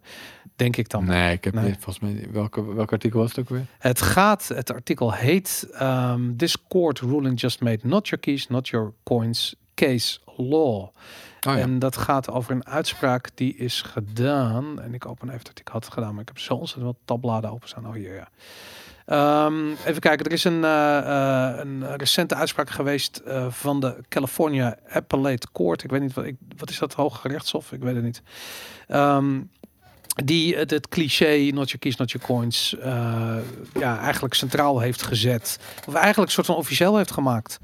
Ehm, dit, is, dit is het verhaal. Ja, Als jij je coins had staan op een exchange zoals Coinbase, want Ja. het ging hier om Coinbase, mhm. ehm, tijdens de fork, hoe noemen we het, fork wars, tijdens Ja. al de forks, dus de, de Bcash fork, die we net, de Bcash hebben we net ontbor- maar je had er dus meer. ja. Je had Bitcoin pizza. En, ja, Bitcoin Gold was op een gegeven moment de tweede en daarna kreeg je een hele reeks met andere. ja. Uiteindelijk is natuurlijk Bcash ook weer gespleten, maar dat terzijde. mhm. Dus je kreeg al die soorten bitcoins. Ja. Of noemen we het soorten bitcoins. Je kreeg al die fork coins. Scheid shit. Ik zal het het Je kreeg al die scheid shit. Ja. Ehm, deze, toen was er eh, bij Bitcoin Cash was het zo, in ieder geval bij Coinbase en veel Ja. andere exchanges, was het zo dat je die, als jij je coins op Coinbase had staan, dan kreeg jij je Bitcoin Cash ook van ze. Ja, Dus stel jij had eh, vier Bitcoins op Coinbase staan, ja, dan kreeg je ook je vier Bitcoin Cash. ja. Dat deed heel veel exchanges zo. En die kon je dan eventueel weer verkopen of je Mhm. kon het houden of je kon ermee doen wat je wil. Je, kreeg, hè, je had gewoon recht op eh, beide. Bij Bitcoin Gold heeft Coinbase dat niet gedaan. Ja. En bij heel veel van die fork, fork coins, van die scheid shit, heeft Ja. Bitcoin, eh, Coinbase dat natuurlijk niet gedaan. Oké, nu heeft deze persoon, ik weet niet meer wat zijn naam was, maakt ook niet uit. Die heeft Coinbase aangeklaagd. Ja. Want die zei, hey, ik wil ook mijn Bitcoin Gold. Ik heb daar recht op. Ja. Ik heb recht op, eh, jullie hebben mijn Bitcoin Cash gegeven, heel leuk. Maar ik wil ook mijn Bitcoin Gold en mijn Bitcoin Pizza en mijn Bitcoin weet ik veel. Ja. Ging, het ging hem specifiek, in deze rechtszaak ging specifiek om Archer heette die. Gold. Ja. De rechtsbank heeft nu gezegd, nee, dat, eh, daar heb je geen recht op. Jij hebt recht op je Bitcoin, denk ik wel. Ja. Dat weet ik eigenlijk niet zeker. Lijkt me wel. Ja. Dus in die zin klopt de openingszin dan eigenlijk niet. Ja. Maar in ieder geval, je hebt niet recht op alle forks die daar eventueel uitkomen. En heb je enige, want dat haalde ik niet uit. Hoe, heeft hij, hoe hebben ze dat onderbouwd? Want ik vind dat namelijk raar. Weet ik niet, maar ik vind het niet raar. Waarom vind ik vind het? Omdat, omdat je daarmee eigenlijk... De, de Coinbase heeft geheimen, Ja, namelijk private keys. Dat Ja. zijn hun private keys. Daarmee houden ze jouw coins vast. Maar Ja. zij hebben de private keys. Dat zijn hun geheimen. Zij hebben Ja. die gegenereerd. ja, En wat jij eigenlijk zegt tegen Coinbase, dus zegt ik wil ook mijn Bitcoin Gold van jullie, is jullie moeten jullie geheimen door deze software halen om, om aan Bitcoin Gold te komen. Want dan moeten ze Bitcoin Gold software draaien Ja. en Bitcoin Pizza software. En Ja. Dus dan zouden ze al die software moeten gaan verifiëren of er geen backdoors in zitten of andere soorten bugs. Ja, dat kun je natuurlijk helemaal niet eisen van zo'n bedrijf. Dat ze hun geheimen niet?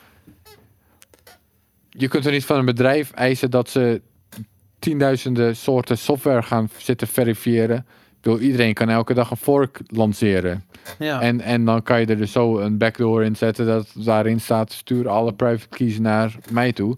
Je kunt niet redelijk verwachten van alle bedrijven dat alle software ja. gaan runnen waarvan jij zegt deze software, software moeten jullie nu ook runnen. Ja, Dat nee, kan je, kunt niet. het niet afdwingen. Nee, dat, dat, misschien zit het daar, is dat de onderbouwing inderdaad, dat je het niet kan afdwingen. Maar ik begrijp niet dat ze het niet als dienst hebben eh, ge- gelanceerd naar gebruikers toe. Want ze kunnen er ook gewoon geld voor vragen. Je, ze kunnen gewoon zeggen, van, luister, wil jij je Bitcoin pizza hebben? Dat kost je 25%.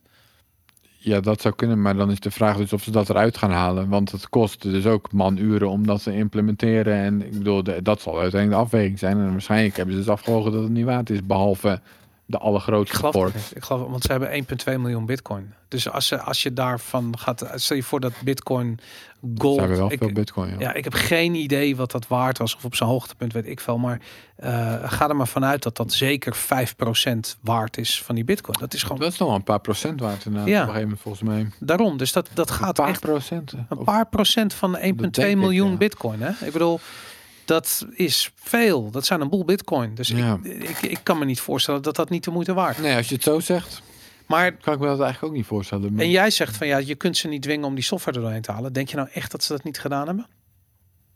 Denk je niet dat ze... Dat zou kunnen dat ze dat hebben gedaan hebben, maar de, het punt van de rechter is dat je dat niet van bedrijven kunt gaan eisen dat ze dat doen.